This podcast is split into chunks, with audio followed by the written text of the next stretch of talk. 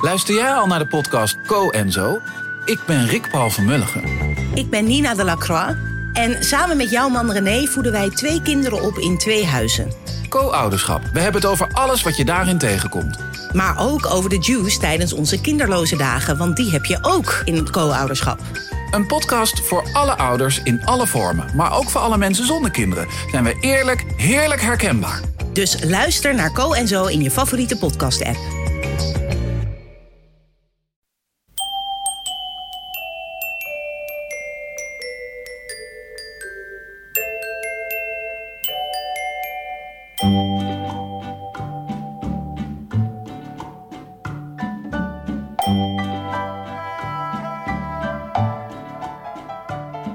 Welkom bij aflevering 230 van Echt Gebeurd. De podcast waarin waargebeurde verhalen worden verteld door de mensen die ze zelf hebben meegemaakt. In deze aflevering een verhaal dat Elma Draaier in februari bij ons vertelde tijdens een verhalenmiddag rond het thema sprookjes.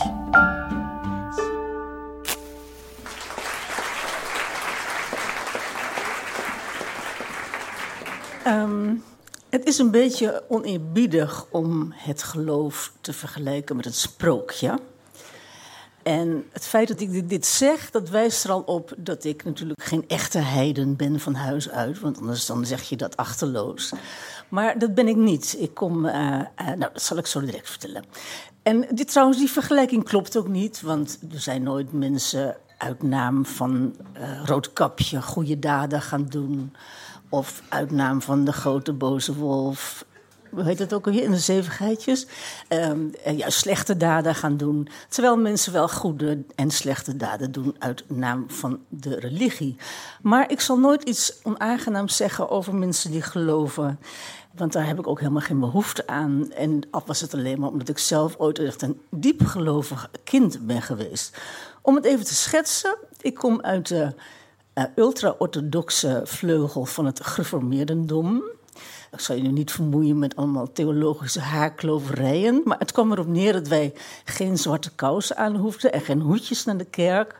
Maar we moesten wel twee keer per zondag naar de kerk. En lopend, fietsen mocht niet. En eh, mijn moeder mocht niet breien op zondag, want een, een zondagsteek houdt geen week, zoals jullie weten. En ehm, mijn broertjes mochten geen studio sport kijken. En wij mochten ook geen ijsjes kopen, want dan zou je de ijskomman afhouden van de kerkgang. Nou, dat was ongeveer eh, het milieu waar ik uitkwam. Ehm, bovendien eh, moest je, als je iets verkeerds had gedaan, moest je eerst vergeving vragen aan je moeder. Dus niet excuus aanbieden, maar vergeving vragen. En dan ook vergeving vragen aan eh, hij daarboven. En het was ook niet zo verwonderlijk dat het echt het allereerste zinnetje dat ik ooit heb geschreven was niet aapnoot mies of wat dan ook, maar ik ben elke seconde stout. En dan SU, ik kon nog niet zo heel goed spellen.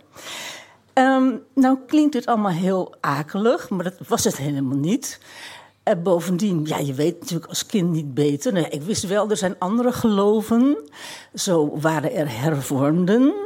Maar ja, die waren veel te licht, zoals het dan heette. Want dat was geloven op vier wielen. Die gingen naar de kerk eh, in de kinderwagen als ze gedoopt werden. En ze gingen in, naar de kerk als ze gingen trouwen in een trouwauto vier wielen. En als ze eenmaal dood waren, dan gingen ze nog een keertje als... eh, je begrijpt het. En dan had je ook nog ehm, vrijgemaakten. En die waren ontzettend uit de hoogte. Want die dachten dat zij de enige ware kerk waren. En dat klopte niet, want dat waren wij natuurlijk. En dan had je ook nog, dat had ik wel eens gehoord, had je katholieken, die noemden wij roomsen. En dat was echt heel erg, want die vloekten. Dat dacht ik als kind, die vloekten. En die aanbaden gesneden beelden. Nou, en dat deden wij niet. want Dat kerkje waar ik uitkwam, dat was zo'n kale, sobere bedoeling... waar niet eens een plantje stond. Het was alleen maar... Het alles draaide om het woord. Dat ik het er toch wel ehm, nou, met goede herinneringen eh, aan terugdenk... komt eigenlijk doordat ik ook het dochtertje van de dominee was. En kinderen van de dominee, dat zijn een beetje de prinsjes en prinsesjes van de gemeente. Hè? Die krijgen veel aandacht en zo. Dus dat maakte het allemaal vrij aangenaam. Nou, mijn vader die, um, moest natuurlijk ook categorisatie geven. En tegenwoordig moet ik alles uitleggen. Categorisatie was dat je les kreeg in de, in de leer van de kerk. En beleidniscategorisanten, dat waren jongeren die dan binnenkort echt lid werden van de kerk. Die kregen die categorisatie thuis, bij ons thuis, op de studeerkamer van mijn vader. Ik was een klein meisje en ik was een hele slechte slaper. En uh, het was vrij gehoorig, die pastorie. En dan lag ik in mijn bed en dan hoorde ik zo een paar uur lang, anderhalf uur lang, de bromstem van mijn vader. Hij had zo'n lage stem. En op een avond kon ik weer de slaap niet vatten. En toen uh, dacht ik, uh, ik ga eens kijken of het lukt. En ik begon een heel vroom liedje te zingen. Ik denk, één naam is onze hoop, of daar ruist langs de wolken een lieflijke stem. En ik begon te zingen.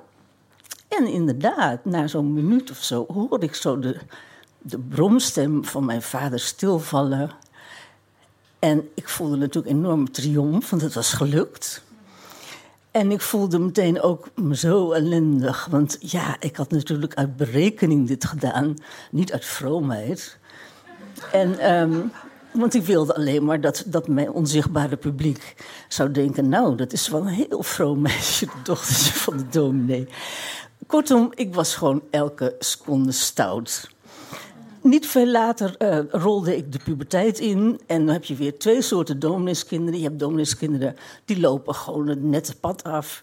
En ik hoorde tot de andere categorie, namelijk die er alles aan deed om maar geen domineeskind te zijn...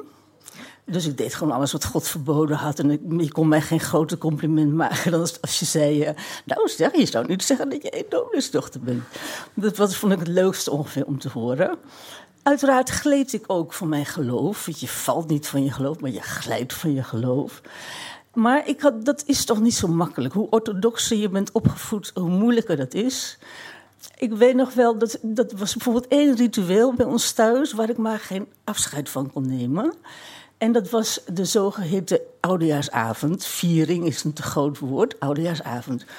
Wij gingen namelijk biddend het jaar uit. En dat betekende dat mijn vader nou, ging eerst naar de kerk om acht uur. En het was de somberste dienst van het jaar. En dat wil echt wat zeggen. En dan ongeveer een kwart voor twaalf... dan sloeg mijn vader de grote gezinsbijbel open... En las dan Psalm 90. En Psalm 90 is echt een heel erg mooi psalm over de vergankelijkheid van het leven. En over dat je dagen zijn als gras. En dat je, nou ja, er wordt ook de zegen afgesmeekt voor de dagen die je nog resten. Heel ontroerend en heel erg prachtig. En dan las mijn vader dat psalm. En dan, dan sloeg hij de Bijbel dicht. En dan ging hij voor in gebed. En ja, dat, dat was wel tamelijk bijzonder, want dan dat deed hij normaal nooit. Maar dan ging niet iedereen langs. En ik kom uit een heel groot gezin. En dan begon hij dus voor mijn oma te bidden. En voor mijn moeder. En voor mijn zusje die zwanger was. En dat het maar goed af zou lopen. En broer die examen deed, noem maar op. Dus dat, dat had zich dan... Nou, dan was hij wel even mee bezig met het gebed. En dan, hoe hij het voor elkaar krijgt, weet ik precies om twee minuten voor twaalf was hij klaar. En dan uh, nou, wachten wij even tot, uh, tot de klok sloeg. En dan uh, wensen we elkaar uh, goede nacht en een goed jaar. En dan um, lagen we om kwart over twaalf gewoon weer onder de wol. Dus niks feestelijks, niks zoals andere mensen het doen. Nou, toen ik eenmaal een jaar of 25 was, dacht ik, nou nee, nu moet ik toch daar... Dan moet ik toch gewoon onder de gewone mensen oud en nieuw vieren. Dus ik heb met een vriend, mijn toenmalige vriend mee naar een echt oud en nieuw feest. Nou, jullie kennen dat allemaal. Veel eten, veel drinken, heel veel drinken. Uh, en dansen en noem maar op. En uh, toen het twaalf uur was, was ik zelf ook niet meer helemaal uh, nuchter. En de mensen om me heen ook niet. En je weet ook hoe dat gaat. Dan word je betast van alle kanten door heren die je nog nooit hebt gezien. En plat op de bek gezoend. En ik kon alleen maar denken, was ik maar bij Psalm 90. En um, nou ja, zo, zo, liep het de jaren daarna. Oh, ik kon niet meer terug. Maar ik, bij die heidenen was het ook niet alles, zou ik maar zeggen. Het is goed gekomen. Ik ben ouder en wijzer. En ik heb ook leukere vrienden. Uh, tegenwoordig uh, vier ik oud en nieuw al heel lang met een vaste groep. En dan zitten wij zo allemaal rond de tafel. En zij zijn ontzettend lief en zij kennen mijn verhaal. En sinds een paar jaar mag ik daar Psalm 90 lezen. Zonder ironie, maar echt gewoon Psalm 90 lezen. Ik ga niet voor in gebed hoor, dat gaat me een beetje te ver. Maar ik lees wel Psalm 90. En als ik dat dan doe, dan ehm, denk ik altijd, misschien is dat wel. Ik doe dan eigenlijk een beetje of ik geloof. En uh, misschien is dat wel het echte verschil met een sprookje. Dat als je gelooft, dan, um, dan lieg je jezelf een vlot. En het mooie is, je blijft nog drijven ook.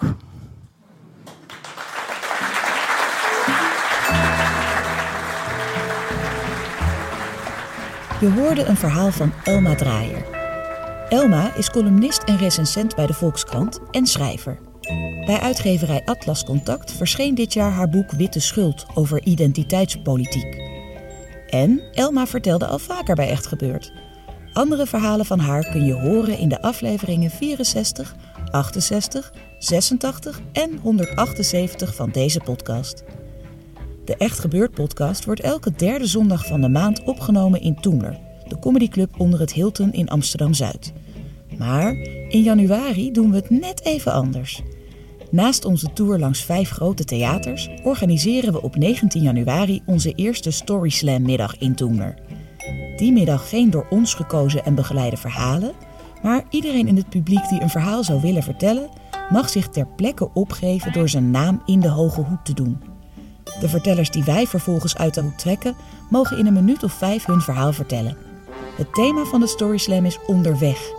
Wil je daarbij zijn en wil jij misschien wel meedoen? Koop dan snel je kaartje. Meer informatie en de link naar de kaartverkoop vind je op onze website www.echtgebeurd.net. De redactie van Echt Gebeurd bestaat uit Rosa van Toledo, Micha Wertheim, Paulien Cornelissen en Maarten Westerveen. Productie Eva Zwaving, dat ben ik. Zaaltechniek Jasper van Oorschot en podcast Gijsbert van der Wal. Dit was aflevering 230.